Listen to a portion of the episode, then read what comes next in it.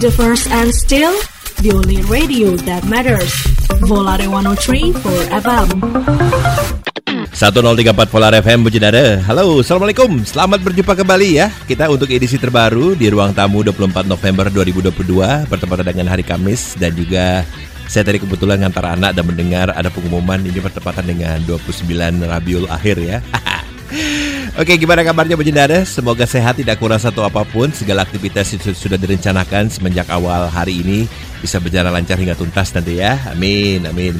Dan ruang tamu akan hadir menemani aktivitas Bujindara ya semoga bisa memberikan warna yang berbeda. Dan di hari Kamis kita akan ngobrol-ngobrol bareng Bang Fiza yang saat ini masih menempuh dan menyelesaikan pendidikannya. Dan kita doakan saja semoga beliau lancar juga ya studinya. Sudah dua minggu nggak ngobrol bareng. Banyak juga kejadian yang terjadi dalam beberapa hari terakhir ini. Jadi langsung saja kita sapa. Halo, Assalamualaikum.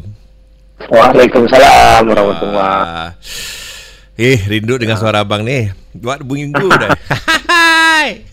Dua minggu acara sakit gigi segala macam ya. Jadi gimana gak? Udah sehat kah?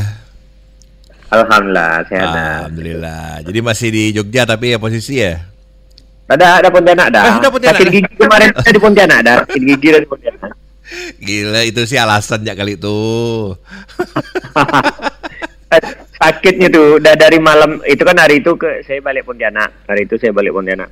Dari Jogja lalu kemudian di pesawat sepanjang di pesawat tuh normal sampai ke Pontianak. Pontianak bawa sembuh karena karena ya karena karena dibelikan ponstan apa segala macam lah uh, obat. Sebelum itu motor saya dah dititipkan ke tempat kakak kan jadi tak bisa beli obat. Sedang nggak nahan kan sakit gigi tu. lama dah saya nak dengar kata ponstan tu bang.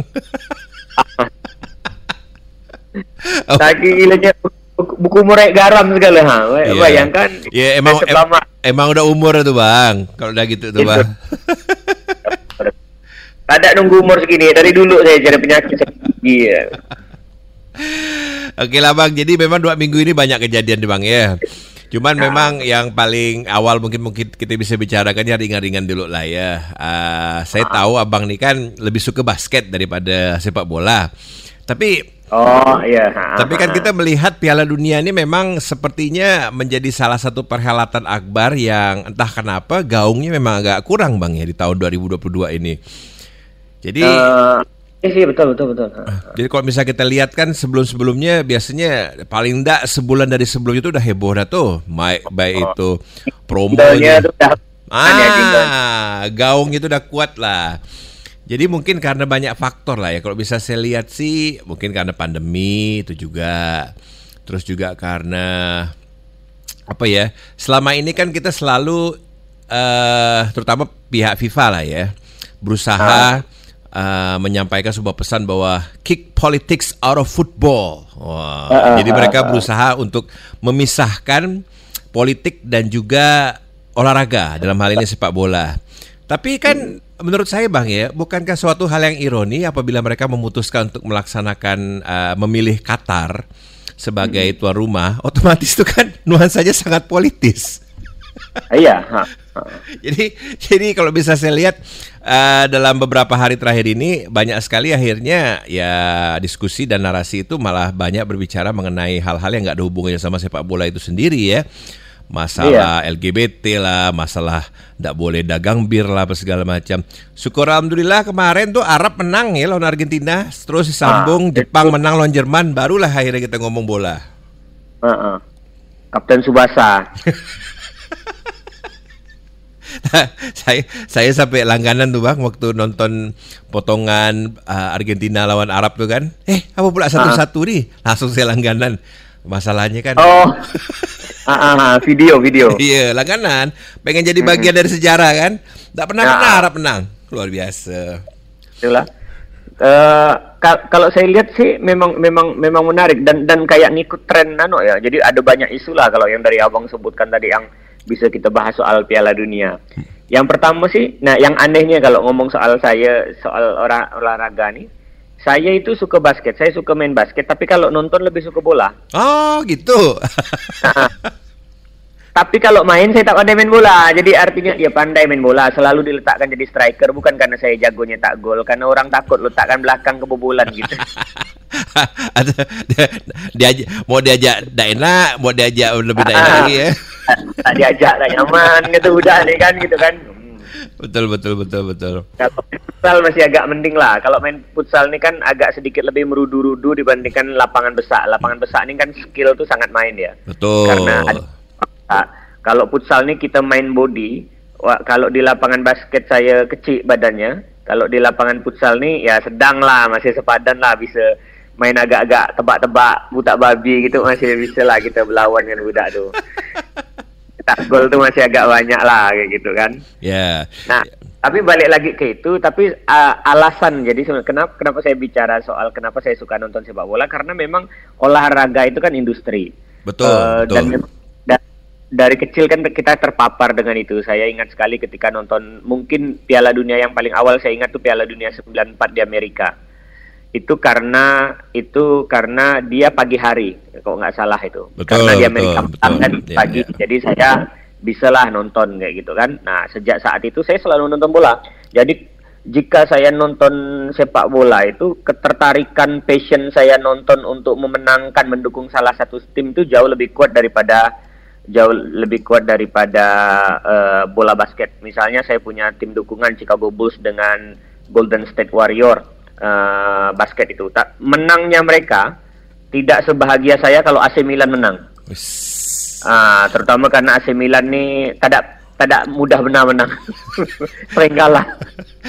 Jadi ada sebuah kebanggaan tersendiri ya dari Oh, apa? ada. Ah, ada sekali gitu kan. Wah, jadi dan itu saya rasa dimiliki oleh semua orang. Banyak orang yang tidak bisa bermain sepak bola tapi enjoy menonton pertandingan sepak bola karena ada banyak hiburan sampingan dari itu ya. Hmm. Mulai dari perjanjian mungkin yang negatif, eh, alkohol mungkin yang dibicarakan eh, kemarin soal Qatar sampai pada sampai pada eh, FOMO, fear of missing out. Nah, termasuk abang tadi kan waktu langganan, oh kan FOMO kak ini kan FOMO. itu, buku apa? Aku harus lihat langsung nih. Ada cerita gitu. Nah, nah. Lalu kalau cerita ini tadi malam tuh benar-benar dan Arab Saudi pas saya nonton Arab Saudi saya nonton dari awal anak saya kan lagi mulai suka dengan olahraga nih, mulai suka dengan olahraga nih. Oh nonton dia. Ayah dukung mana gitu. Oh Arab lah karena Asia gitu pikiran. Ada gak supaya tidak lagak benar orang anu nih kan benua Amerika dengan Argentina menang kan biasa ya gitu kan. Oh, oh, oh, betul, Walaupun betul. saya berpikir memang 10% ya menangnya Arab tuh kemungkinan besar. Menurut saya hebatnya Arab tuh lebih hebat daripada Jepang dalam artian karena posisi Jepang dengan Arab ya jauh di bawahnya kan. Arab di bawah. Betul. Lawannya juga beda bang ya. Lawannya Hmm. juga juga berbeda. Nah, lalu kemudian dia menang dan kemudian Jepang juga melakukan hal yang sama. Yang mana tidak seperti Piala Dunia 98 yang penuh kontroversi ya. Kita ingat pernah Asia juga bangkit saat itu ketika Korea dan Jepang sama-sama jadi tuan rumah Piala Dunia. Eh bukan tahun dua tahun Oh, 98, ini saya ingat nih, yang Italia lawan Korea nih. Itali lawan Korea, Ah. Spanyol lawan Korea kan banyak kan gitu kan. Kontroversi itu. Ah. Ah, kontroversi. Mana gi- gila-gila Itali kita nih kan? Ah. Ah, kan? Lalu itu. Nah, yang ini benar-benar etos kerjanya tuh kelihatan. Dan saya melihat sebenarnya ini fenomena besar dari per, per, per, per- apa pergeseran eh, pergeseran kiblat peradaban.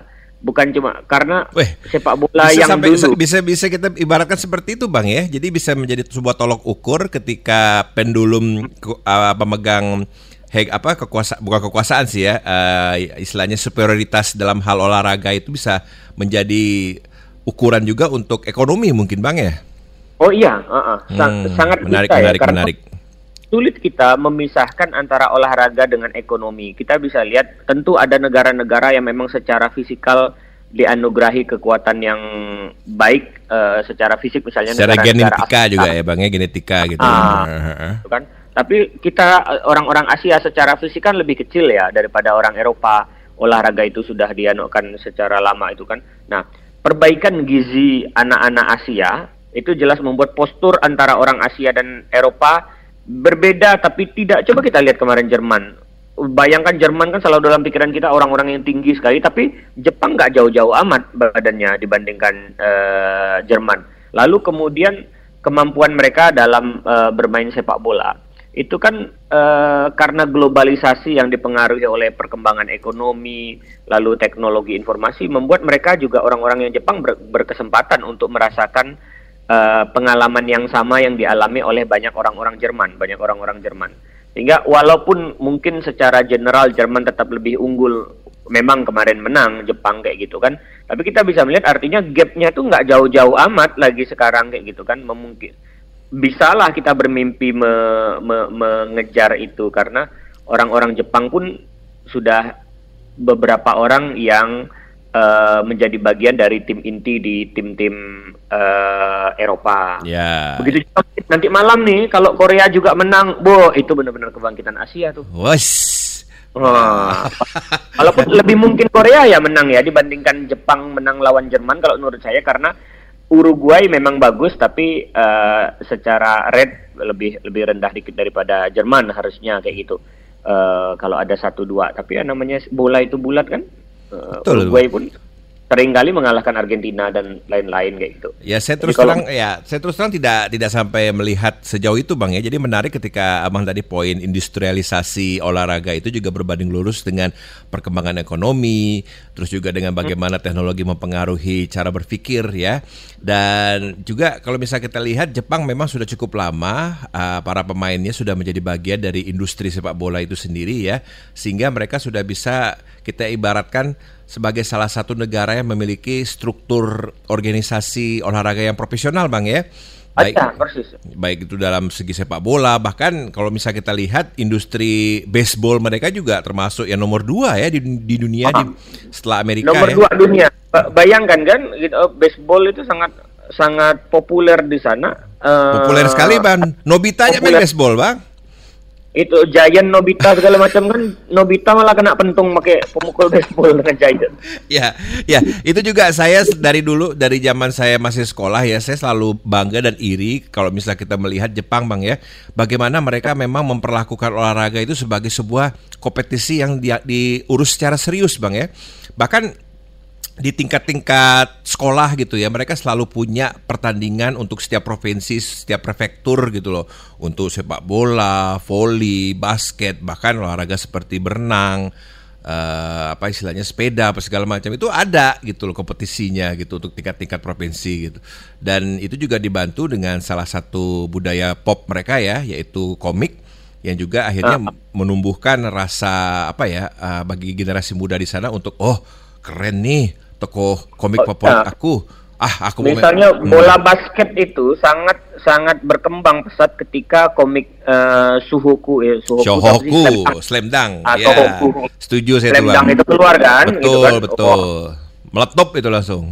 Oh, oh, bahkan banyak orang belajar masak gara-gara banyak kan anime masak nah, gitu kan. Itu itu itu juga sesuatu hal yang mungkin hanya bisa terjadi di Jepang, Bang ya. Kalau misalnya di kita Jepang, uh, kita olo-olo tuh, lebay, lebay, lebay gitu kan. Tapi dan kita Jangan juga, ngomong gitu depan wibu kan uh, panjang urusannya. Dan kita juga melihat uh, sekarang dalam beberapa tahun terakhir ini mereka sudah mulai memetik uh, buah dari uh, uh, uh. demam voli, Bang ya.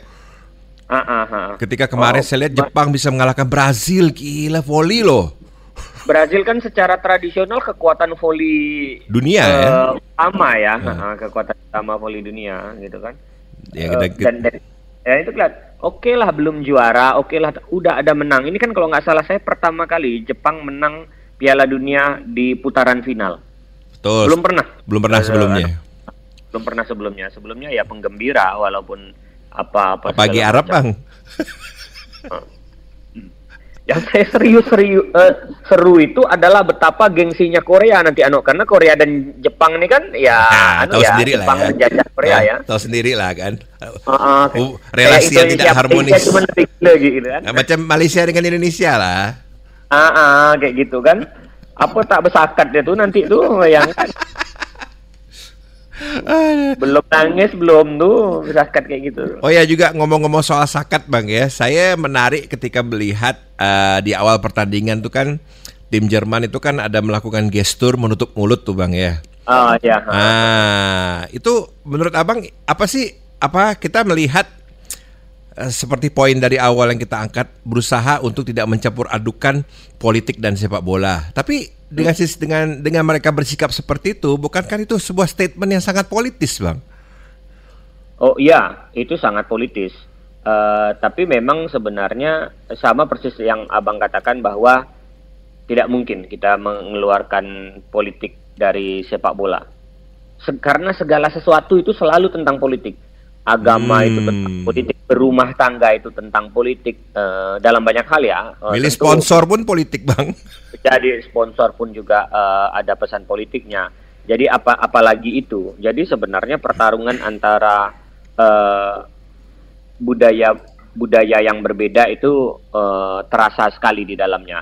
Yang mana sebenarnya eh, kalau menurut saya ini wajar terjadi, tapi di sisi lain menunjukkan kepicikan orang-orang Barat yang beranggapan bahwa mereka adalah dunia Jadi, Ya. nilai yang mereka miliki itu itulah yang bisa disebut sebagai nilai universal dengan mengabaikan bahwa jutaan eh, populasi dunia lainnya itu eh, tidak menganut nilai yang sama kayak gitu kan.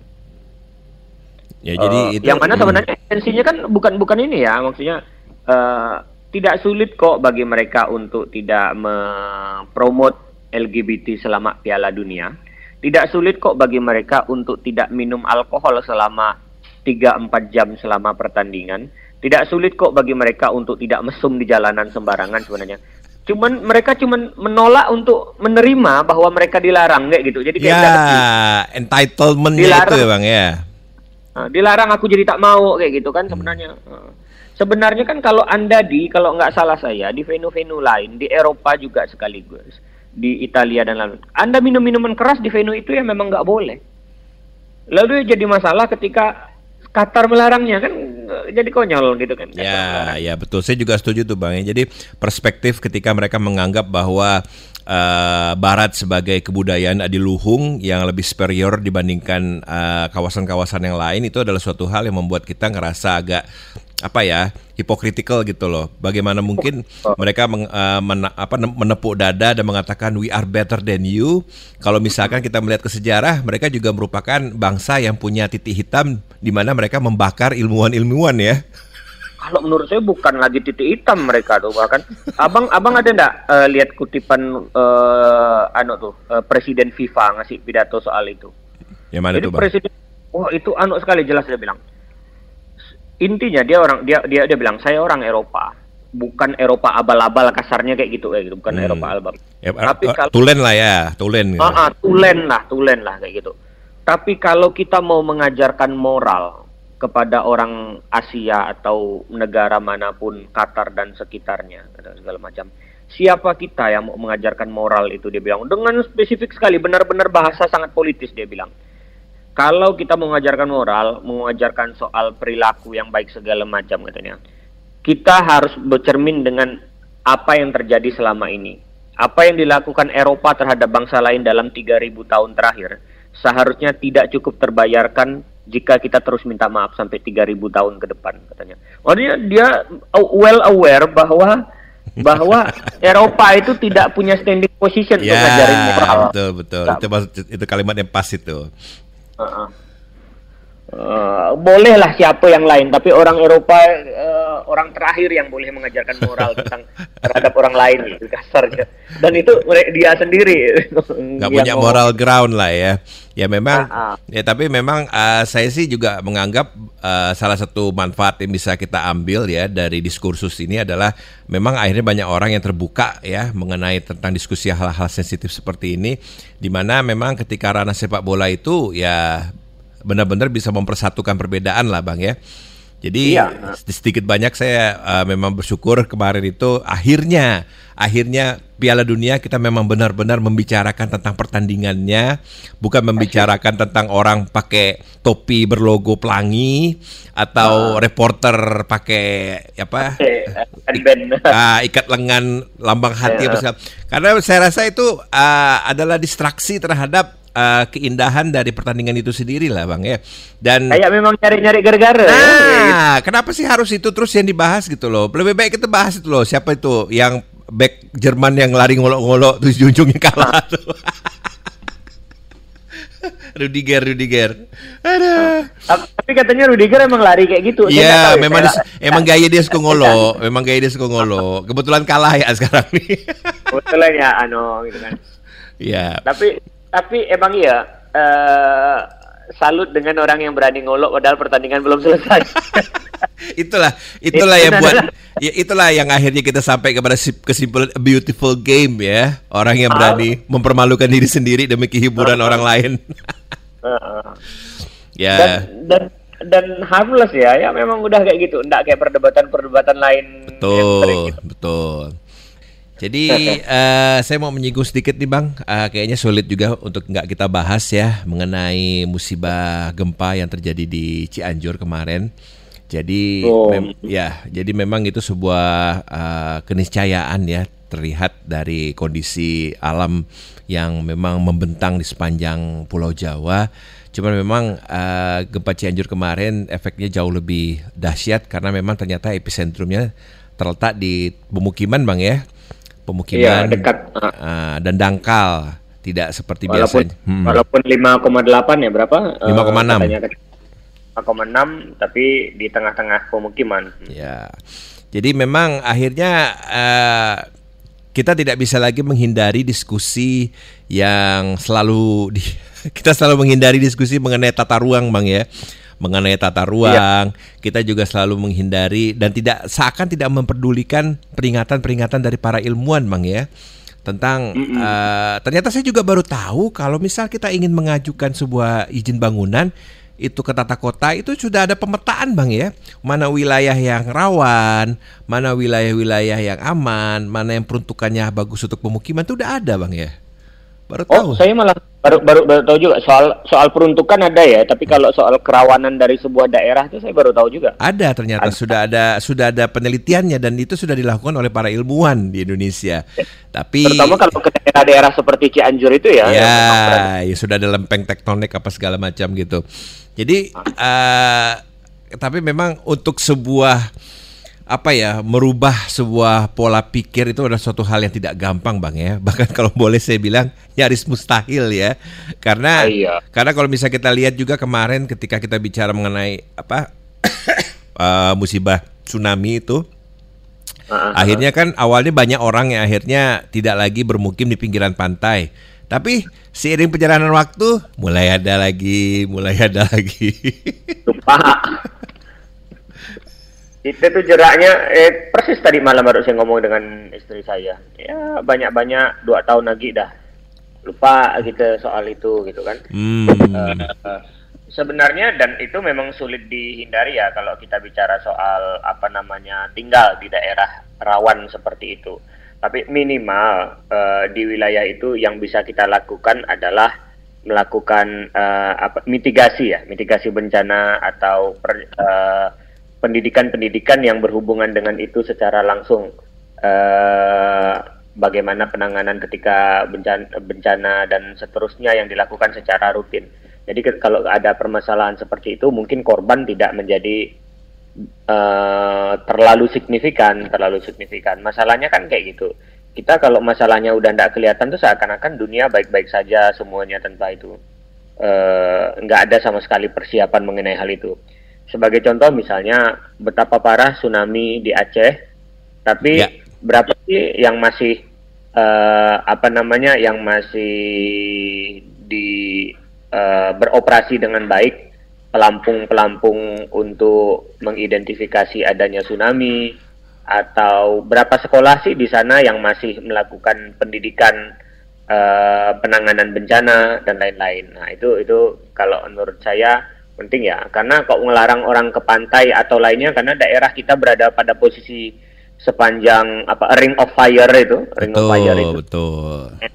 memang agak sulit, agak sulit. Tapi minimal fakta bahwa kita tahu kerawanan kita eh, tinggi, ya lakukanlah langkah-langkah pencegahan agar eh, korban itu nggak nggak selalu banyak lagi seperti yang dilakukan Jepang karena mereka secara rutin memiliki itu kan. Seringkali mereka gempa tapi kemudian eh, yang meninggal dunia nggak sebanyak kayak kita atau kalau banyak tuh pernah sekali terakhir ya di Kobe saya ingat sekali itu itu gede sekali. Nah, tapi ya abis itu ya udah gitu kan. Ya jadi memang Gitu. kalau misalkan Ah. dari pembicaraan yang beredar di media sosial dan juga media massa, memang ada suatu ada sebuah apa ya uh, perubahan sikap yang harus segera dipenuhi dalam hal paling tidak kita membahas tentang struktur bangunan publik lah bang ya, infrastruktur Ah. publik. Kita bicara mengenai rumah sakit, sekolah, apa segala macam. Paling tidak itulah yang bisa kita kejar untuk bisa memenuhi sebuah standar sehingga apabila memang musibah ini musibah ini kan pasti akan terjadi lagi gitu loh.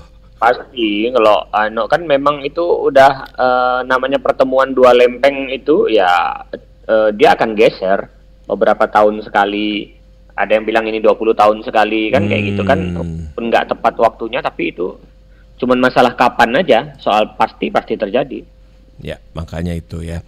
Jadi eh, kita juga melihat salah satu hal yang akhirnya mengemuka dari beberapa postingan terakhir itu ternyata kalau misalkan masalah pembagian bantuan tuh Bang ya. Itu juga Ah, ah. kembali mengalami masalah dicegat Mm. sama orang Baru baru lihat nih baru lihat di Twitter nih soal minta maaf Ah, habis itu ah, katanya itu bukan ah, pembajakan kata kepala desanya. Wah. Apa ya Pak namanya? Jadi Ah, iyalah. ya akhirnya kan solusi nah gini loh. eh, s- akhirnya kan ketika dalam hal ini aparat TNI mengambil alih, sifatnya kan eh, birokratis akhirnya. Semua Eh. semua bantuan harus masuk titik ini. Baru nanti disebar. Hmm. Ya, itu kan konsekuensinya akhirnya seperti itu. eh, kita tidak eh, kita tidak terbiasa untuk bertindak secara apa ya namanya terstruktur untuk untuk melakukan eh, pemberian bantuan atau misalnya dalam hal ini ya yang beri bantuan Hmm. bagus ya militan ya mereka ya. Ya. Tapi itu dia orang yang menerima bantuan juga sering kali kayak gini ya. Ya, tentu kita eh, bersimpati dengan mereka karena mereka mengalami bencana dan jelas banyak dapat eh, apa ya musibah yang berhubungan dengan itu setelahnya. Nah, tapi eh, ada tendensi, ada tendensi terutama di sini di kita. Saya nggak cuma dalam konteks bencana. Kalau kamu miskin, seakan-akan semua yang kamu perbuat boleh. Eh, eh hati-hati bang. Kalau Hati-hati, kamu Bang. Ngomong Ah, itu dia. Ini ini ini ini memang betul nih mesti hati-hati nih. Hati-hati gitu bang, kan. hati-hati. Kontroversi Tapi nih. ten- tendensi seperti ini ini yang harusnya kita hilangkan gitu kan. Kita kita kita Hmm. kita hilangkan. Kalau kamu menderita, fakta bahwa saya teraniaya, fakta bahwa saya teraniaya, benda yang mana benar itu tidak salah teraniaya, seakan-akan itu membenarkan perbuatan jahat saya ke, terhadap orang lain. Padahal ya yang teraniaya bukan cuma Hmm. Ya, ya, ya. yang ya. termarginal, yang termarginal bukan cuma kita. Nah, kadang-kadang saya jelaskan ke mahasiswa lebih berani nih kok di kelasnya kalau kayak gini. Hati-hati. Kalau kita mau jujur, ah, kayak seakan-akan kita anti orang miskin atau apa. Tapi kalau kita mau jujur, coba eh, ada orang-orang ekonomi kelas bawah dengan ekonomi kelas atas. Secara rata-rata dari pengamatan Anda, ketika melanggar antrian, lebih banyak yang mana? Ya. Nah kayak gitu. Wow, eh, bawah pak, apa segala macam banyak rata-rata bilang bawah apa segala macam. Nah, satu sisi kita nggak nggak bilang bawah itu. Eh, kita mencoba menjelaskan bahwa mereka mm, tentu saja menjadi orang yang eh, kaya, eh, hidupnya nyaman itu eh, tidak tidak melang- tidak banyak melanggar peraturan karena tanpa perlu melanggar peraturan mereka udah dapat banyak privilege. Yang kedua, kemudian ya iya misalnya kalau kita ngantri anaknya yang satu anaknya beringus, yang satu baru keluaran dari ruang ber AC gitu kan. Jadi mood, moodnya sudah udah berbeda gitu kan, udah berbeda. Ya. Nah, sama kayak persis seperti itu itu yang terjadi. Kita lihat misalnya penyalahgunaan solar eh, atau apalah apa se- seakan-akan itu boleh semua. Nah, ini yang perlu kita ubah bahwa kalau itu pelanggaran terhadap orang oleh orang kaya, orang miskin juga kayak gitu. Pelanggaran terhadap orang yang tidak ah, kalau fakta bahwa kamu menerima musibah, tapi kan bukan cuma kamu saja yang menerima musibah. Di Betul. ujung sana ada yang eh, juga ano apa segala macam kena. Walaupun kita juga harus ngerti bahwa bantuan lewat lewat lewat depan mata dia pengen nggak kalian nah akhirnya memang memang perlu pendataan yang jelas pendataan yang jelas soal mana yang memerlukan mana yang tidak mana butuh apa gitu kan kayak gitu kan Betul, memang betul. perlu, koordinasi sih, perlu koordinasi jelas soal itu. Karena tanpa itu semua orang akan mengaku belum, belum, belum, belum. Makanya di, di tempat kita uh, terlepas dari buruknya Indra Kens itu, fakta ada benarnya kata-kata Indra Kens miskin itu adalah privilege. Tidak dalam artian yang sama. Saya nggak bilang dalam artian. Ya, ya. Artinya kalau bagi dia, oh, oh, oh, kalau kita miskin kata dia itu kan kesempatan Fred itu sih Fred merampok dia kayak gitu. Tapi kalau di Indonesia betapa banyak uh, betapa banyak privilege yang Anda dapatkan menjadi orang miskin sampai orang kaya pun pura-pura miskin. Ya, setuju. Eh, itulah itu penggambaran yang pas itu, Bang. Jadi, wah, enak jadi orang miskin di Indonesia dibandingkan jadi orang miskin di Amerika. Abdes kau di Amerika miskin. Melarat. Jadi itu jadi, jadi itu ada sebuah perbandingan yang juga menarik bang ya kalau misalnya kita lihat betapa uh, banyak sekali terutama dari golongan rep, uh, Republikan ya ya mereka menolak nah. untuk menaikkan pajak ya karena mereka menganggap itu sebagai suatu hal yang tidak adil. Uh, jadi konsep uang pajak untuk membantu sesama itu sesuatu konsep yang asing bagi mereka ya. Dia tidak bisa mengerti bagi-bagi itu tak bisa tak bisa mengerti. jadi sangat individualistik ya. Dan juga menarik ketika aku, aku, Jadi kemarin itu siapa yang mengeluarkan statement tuh ya menteri kok nggak salah. Dia menteri yang mengeluarkan statement kalau orang kaya itu membebani BPJS. Menteri ya Pak? Menteri, menteri Pendidikan, Menteri Pendidikan, eh Menteri bukan Menteri Kesehatan. Menteri Kesehatan ya. Ah, Kesehatan. itu juga suatu hal yang akhirnya kan di dikomentarin banyak pihak sebagai hal yang sangat tidak sensitif ya. Karena kalau kita oh, bisa menimbulkan pertempuran antar kelas ya kasarnya ya kayak iya. kebencian kita terhadap itu itu itu itu dia mikir gak sih bang mengeluarkan statement seperti itu oh. bang ya bayangkan tapi itulah ya itulah kenapa kenapa saya berpikir uh, betapa uh, minusnya, betapa jeleknya kualitas oposisi di Indonesia ya. Bayangkan komunikasinya juga. bayangkan kalau misal isu ini disambar oleh oposisi yang cerdas. Be, uh -uh. digoreng sama mereka. Jadi benar-benar anti kelas kita tuh sangat besar. Yang mana baru kemarin saya bicara di kelas segala macam. Oke, okay, uh, eh, kita banyak hal yang kita keluhkan dari para borjuis kalau kita mencoba mengelompokkan kelompok atas dan bawah okay, okay, gitu okay, kan. Tapi coba Anda lihat betapa sebenarnya Indonesia atau negara mana pun di dunia itu dibiayai oleh para orang kaya. Uh, dia beli HP, beli iPhone, beli iPhone di Amerika, balik ke Indonesia, harganya 30 juta. Kalau dia tidak punya NPWP, bea cukainya 41 persen. Ya. Kalau dia punya NPWP 31 persen, artinya dia perlu membayar sekitar 9 jutaan lah kayak gitu hitungannya ya, ya, uh, ya. untuk untuk bea cukai. Tanyaan saya adalah kau bayar pajak berapa? Yang ngeluh-ngeluh itu bayar pajak berapa? Oke, tapi kan Pak dia mengeruk kekayaan Indonesia. Mengeruk kekayaan Indonesia bukan cuma asal ambil, dia kan dari peluang bisnis dari apa segala macam uh, dan lain-lain. Ini terkesan seperti uh, argumen dari para aristokrat ya, argumen dari pa, aristokrat para pendukung Rafathar dan Abu Rizal atau lainnya, yang mana saya jelas tidak masuk dalam kelompok sana. Tapi yang coba saya tekankan adalah enggak kok kita berusaha semaksimal mungkin untuk fair. Soal ketidakadilan itu jelas ada, dunia memang enggak adil. Ya, dunia betul. Memang. Tapi uh, nggak bisa kita selalu menyalahkan uh, seakan-akan semua yang terjadi di kita itu adalah uh, karena struktur atau orang luar me, me, menyebabkan kemiskinan atau kebodohan atau apa pun yang terjadi pada kita. Dan itu tidak helpful juga terhadap psikologis kita. Ketika kita selalu blaming uh, situasi atas apa yang terjadi pada kita. Jadi saya bilang, oh kita lihat misalnya perkebunan kelapa sawit dengan segala permasalahan yang dia munculkan. Jalan bagus di kampung ya karena dia pengen jalannya bagus kalian tunggu kapan sih pemerintah bangun jalan-jalan itu? Nggak, nggak, nggak. Nggak akan kejadian. Ya. Betul, betul, betul.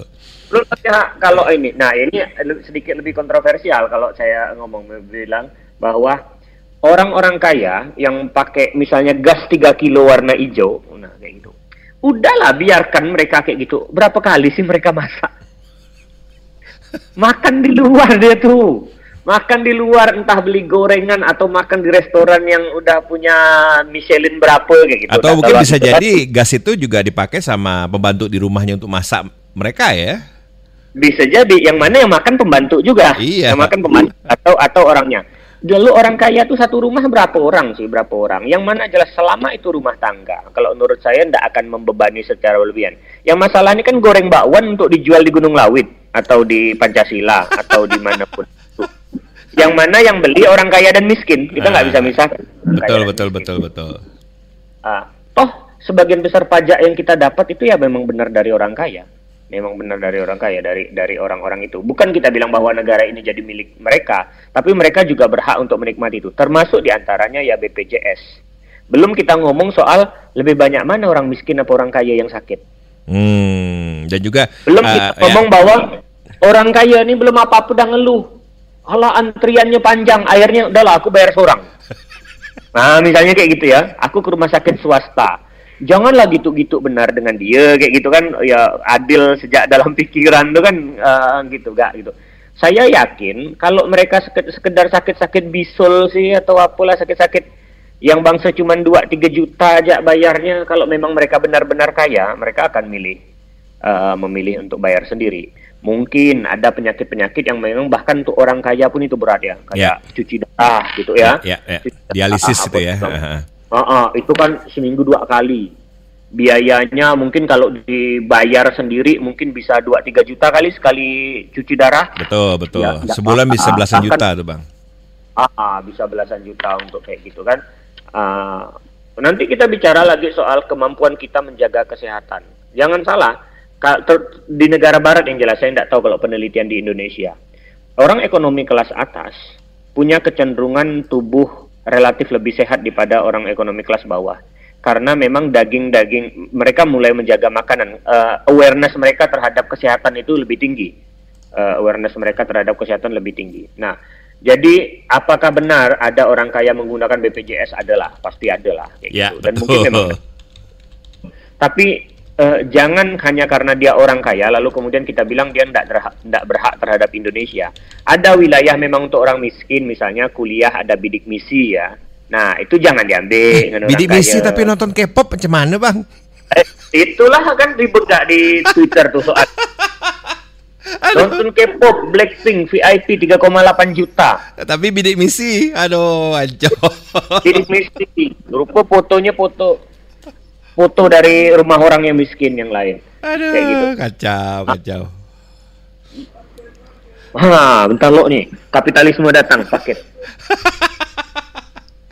Jadi apa eh, perbincangan abang ini menarik karena salah satu hal yang eh, juga apa ya eh, selama ini sering menjadi bahan apa ya banyak orang nyinyir itu bang eh, di Indonesia itu ketika kemarin ada keluar kebijakan di mana pemerintah melarang pem- eh, melarang instansi dalam hal ini kementerian dan juga jajaran di bawahnya untuk memperlangsung untuk melangsungkan kegiatan di hotel tuh bang.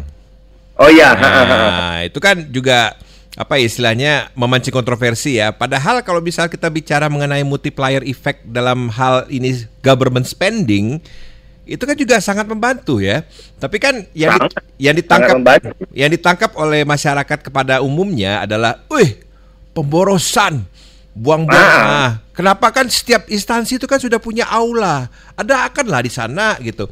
Padahal ketika akhirnya pandemi terjadi dan bisnis eh, istilahnya hotel apa segala macam kolaps, itu salah satu hal yang akhirnya membuat banyak orang sadar bahwa oh ternyata hotel itu banyak hidup dari acara-acara pemerintah ya.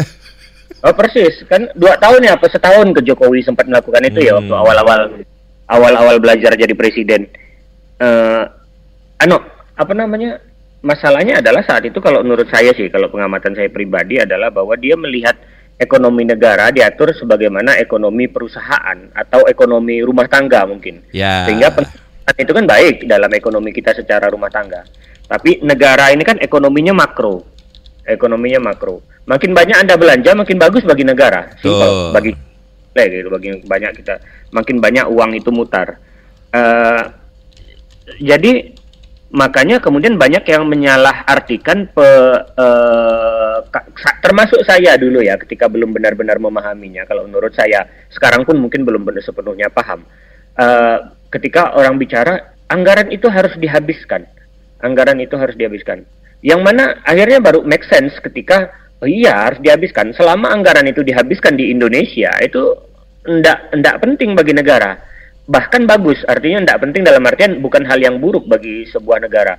Ke karena eh, ekonomi yang buruk adalah duit yang disimpan duit yang disimpan. Kalau duitnya diputarkan, duitnya akan muter sendiri. Jadi saya ngasih contoh kadang-kadang ke mahasiswa, bahkan kita kasih contoh ekstrim nih, kita kasih contoh ekstrim, yang mana ini bukan hal yang positif, tapi pun tidak sepenuhnya uh, positif.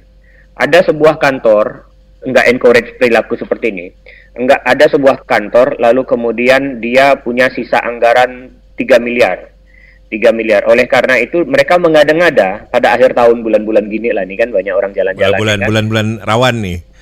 Ah, November Desember mereka jalan-jalan nih ke Bali ke Lombok segala macam mengadakan workshop yang seharusnya tidak diperlukan segala macam lalu dihabiskan duit ke hotel ke jalan ke airways apa uh, maskapai ya maskapai dan lain-lainnya bahkan pemborosan itu pun hal yang positif bagi negara karena itu kan ya menghidupi perekonomian, menghidupi perekonomian. Yang yang mana mutar? Ada berapa banyak orang hidup dari maskapai, berapa banyak orang hidup dari hotel, berapa banyak. Yang akhirnya kemudian hotel itu bayar pajak, maskapai itu bayar pajak, orang-orang itu belanja terus muter. Selama kita jalan-jalannya enggak pergi ke Yerusalem, ke Amerika Serikat atau betul, segala macam. Betul, Bang. Duitnya lari ke kita kan, duitnya lari ke kita. Nah, Bahkan mau lebih ekstrim lagi orang yang korupsi sekalipun kok belanjanya di Indonesia itu tidak terlalu ngaruh besar. Asal jangan ke Singapura ya bang ya. Uh, asal jangan kau pergi ke Singapura lalu beli Gucci, beli apa Louis Vuitton atau apa segala eh, macam. Asal kayak gubernur tuh bang ke Singapura beli mainan bang. Nah, tak boleh. Kalau kayak gitu lari keluar kan kayak gitu atau pergi nonton Piala Dunia, ndak ndak ano. Kalau dia pergi ke Mandalika, bagi negara nggak habiskan ya kasarnya kayak gitu. Yeah. korupsi ya kasar bahkan seperti itu. Tentu kalau ditanya mending mending mending ya kau mending kata orang tuh di twitter tuh ya kalau mending tentulah. Mendang mending mending mending. mending untuk pendidikan mending untuk itu. Tapi kan tidak semudah itu mutar jangan salah pendidikan tuh kadang-kadang udah sampai bingung loh menghabiskan duitnya karena ketidakadilan pembagian. Misalnya di perkotaan bosnya dapat terlalu besar sedangkan di desa tidak terlalu jadi masalahnya sebenarnya bukan pada duit yang dihabiskan, tapi pada ke mana menghabiskannya saja kayak gitu. Tapi menghabiskan uang untuk konteks negara ya bagus. Ya, memang bang seiring dengan bertambahnya usia, berta makin luasnya pergaulan, kita juga semakin memahami ya bahwa terkadang pemikiran-pemikiran yang terlalu idealis itu memang nggak bakal kepake bang ya enggak kepake juga. Sebatas jadi wacana per, perbincangan kita sih oke okay ya kali ya. Per, per, wacana perbincangan waktu kita masih gondrong nongkrong di di oh. gondrong di sekretariat mungkin masih oke okay lah bang ya. Masih masih masih lah. Pokoknya wacana kita soal itu kan. Tapi ketika sudah mulai beli susu bayi. Ha, berpikir juga ya. Ya lainnya itu itu memang suatu hal yang kemarin mencuat ketika pemerintah akan menjual konsesi hak eh, konsesi jalan tol bang ya banyak orang yang nyinyir mengatakan bahwa wah dibangun pakai uang rakyat terus dijual Padahal kan ya kita melihat daripada tol itu merugi ya dalam hal ini tidak ramai pemasukannya mending dijual aja lah kan hak sewanya. Ya, dan kita nggak perlu repot ngurusinnya kan oh, kayak gitu. Yang betul sekali. Kadang ketika ngurusinya BUMN dan lain-lain kan kita di Indonesia sudah tahu benar betapa tidak apa ya tidak efisiennya cara pengelolaannya kadang-kadang. Om Garuda yang kayak gitu pandai rugi kan? ya itulah satu hal Garuda yang... rugi masih lah banyak saingan ya. Kalau PLN rugi lah, saya bingung. Cuman Pertamina lah rugi. Cuman lah tuh. Saya tak, tak, tak, tak sampai pikiran saya gimana ceritanya. Mungkin perlu belajar banyak masih saya itu. Sampai-sampai orang tidak boleh jual lebih murah dari dia kan? Nah, kan enggak enggak enggak enggak masuk akal kan? gitu kan. Sampai Pandai dipanggil itu. kan orang sebelah kan, kau jangan jual di bawahku kau. ya. Ya jadi memang Emang cerita mutar-mutar ini memang enak bang ya. Jadi dari cerita yang gempa di Cianjur. Dari bola. ah, oh ya, terus untuk yang terakhir nih Bang, saya pengen uh, pengen tahu komentar Abang mengenai kemarin kan di uh, program ruang tamu ini kan kita juga cukup sering lah ya mengangkat soal perundungan, soal bully apa segala macam. Oh. Nah, seminggu terakhir nih Bang, entah ngapa, kok tiba-tiba banyak sekali kasus yang mencuat Bang ya. Dan yang yang kalau misal dari sisi saya pribadi pengen ngomel itu gini, ngapa sih orang-orang itu uh, dalam hal ini tenaga pendidikan, uh, praktisi pendidikan apa segala macam, mereka tuh seakan-akan bingung gitu. Wah, kenapa anak-anak kita sepertinya melakukan kekerasan tanpa alasan? Kayak di Tapanuli itu kan, yang nendang nenek-nenek. Pura-pura bodoh. Ah. Eh, gila itu nenek diberi kan. Ah, jadi seakan-akan mereka tidak bisa melihat bahwa anak-anak kita nih sudah begitu normal normalisasi kekerasan sudah sudah sedemikian parah gitu loh. Uh. Bayangkan uh, kemarin hipmi apa tinju bang? Apa? Hipmi hipmi. Oh iya. Sampai diganti lagu pesona Indonesia tuh kan? ya, jadi kan bagaimana kita bisa mengharapkan generasi muda, anak-anak kita, adik-adik kita yang yang sehari-hari megang handphone melihat hal-hal seperti itu dan merasa tidak terpengaruh itu kan sesuatu yang mustahil gitu loh. Uh, kalau saya gamer zaman dulu ya. Aduh, ini mantap. memang memang sesuatu yang tidak mungkin untuk tidak terpengaruh karena misalnya kalau saya main uh, Call of Duty atau uh, Resident Evil itu pikirannya nak nembak pala orang ya. Nah, ya ya. Kalau ya. Anda uh, bermain GTA setiap hari, eh, tentu kita bisa memisahkan harusnya antara dunia nyata dengan dunia permainan, dunia hmm. permainan. Tapi dalam dalam anu yang begitu uh, intens ya, da, di dalam dunia dengan media yang begitu intens, memang kalau John Badrilat bilang uh, teori dia tentang simulakra itu saat itu dia masih zaman televisi ya, belum zaman apalagi zaman sekarang mungkin relevan. Itu uh, itu adalah momen ketika uh, manusia semakin tidak bisa membedakan mana yang dunia nyata dengan mana yang dunia uh, uh, maya. Nah, walaupun kemudian dia bisa memisahkan karakter yang ada di dunia maya ya dibawa juga sama dia bullying yang di dunia maya itu terbiasa kekerasan yang dia lihat itu kekerasan. Uh, nah, kalau menurut saya sih sebenarnya memang uh, ini masalah yang jauh lebih besar dari sekedar bully uh, tapi juga termasuk pada bagaimana kita sebagai orang tua sering kali kayak gini yang jadi masalah kita tuh merasa bahwa zaman kita kecil itu mungkin agak kesulitan ya saya yeah. sulit main di beli Nintendo payah gitu kan sekolah lo katanya kan segala macam. Nak main payah bully lah kerja kerja gitu. Jadi kadang-kadang kita tuh sebagai orang tua mungkin punya peran terhadap kegagalan itu. Uh, nggak mau anak-anak merasakan hal yang sama. Jadi ya kita belikan ong duitnya ada ya gitu kan. Jadi kadang-kadang saya dengan istri saya itu rapat untuk berdiskusi soal ini dibelikan kendak segala macam. Alhamdulillah bukan soal duitnya gitu kan. Alhamdulillah bukan soal duitnya, tapi soal betapa oh dia kemarin habis dibelikan ini, jangan gitu. Jadi tidak mau membuat kehidupan dia terlalu seakan-akan tidak mampu di, di, uh, delaying gratification kayak gitu kan. Oh, betul tuh betul tuh. Asal asal asal asal nengadahkan tangan, asal muka meraju sedikit kasih. Uh. Nah, dan itu itu bahaya dah, dah banyak uh, kelihatan dan itu juga yang berpengaruh terhadap yang banyak keluhan orang terhadap Gen Z atau apa pun itu. Menurut saya peran kita besar di situ. Karena kita tidak mampu delaying gratification tadi. Mereka serba instan.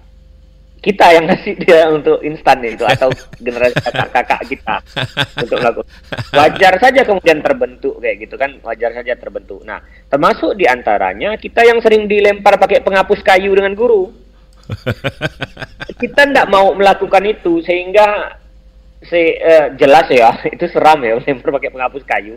Tapi memang uh, sampai pada level di mana mereka merasa bisa get away with anything. Hmm. apa aja lah uh, yang mau kamu lakukan itu kamu bisa no. Sehingga jadi biasakan mereka menerima konsekuensi dari tindakannya kalau menurut saya. Masuk penjara remaja masuk penjara remaja biarkanlah. Karena tindakan mereka udah serius kan bisa ya. menyakit membahayakan ya. jiwa atau apa. Sampai ada sampai ada saya sekolah, baca baca di netizen bilang tuh ini harusnya dibina, dibinasakan. itu harusnya tuh kayak anu tuh apa yang lagi yang lagi happening nggak tuh ada drakor Week Hero Class. Garang film itu. Tapi pada kenyataannya orang-orang yang menggunakan kekerasan itu memang cuma mengerti bahasa kekerasan. Nah, itu juga uh, ketika kita uh, normal normalisasi kekerasan itu akhirnya menghadirkan sebuah generasi yang menganggap memang kekerasan itu adalah satu-satunya solusi, Bang ya. Iya. Gitu uh, loh.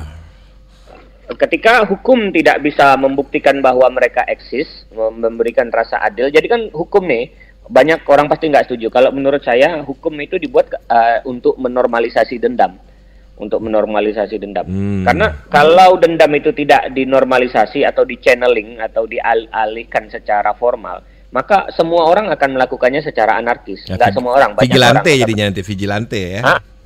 Vigilante.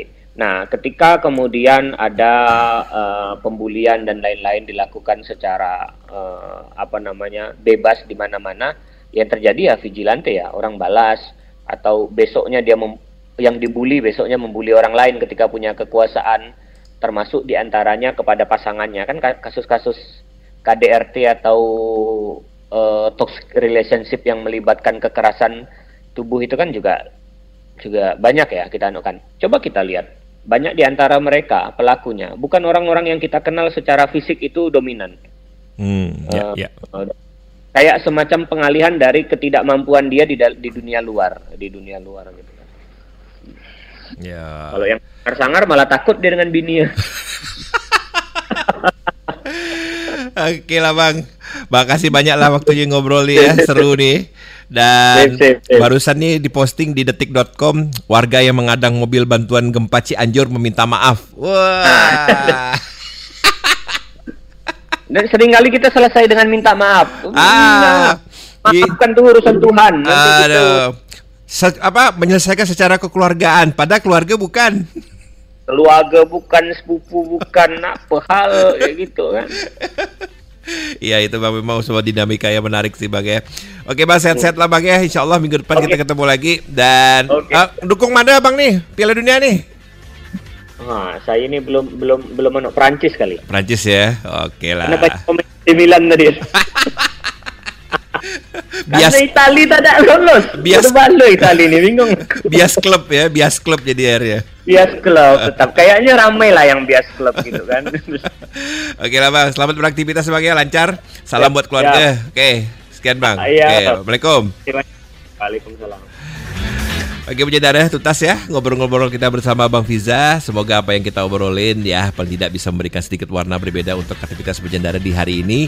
Dan insya Allah kita bakal ketemu lagi minggu depan untuk obrolan yang berbeda pula tentunya. Untuk besok kita akan sama Ustadz Alias ya di ruang tamu Radio Polaris 1034 FM. Selamat beraktivitas berjendara, tetap patuhi protokol kesehatan dan dari Sol, sekian wassalamualaikum, shape your taste. Sampaikan masukan untuk program ini ke volare@volarefm.com dengan subjek kritik saran.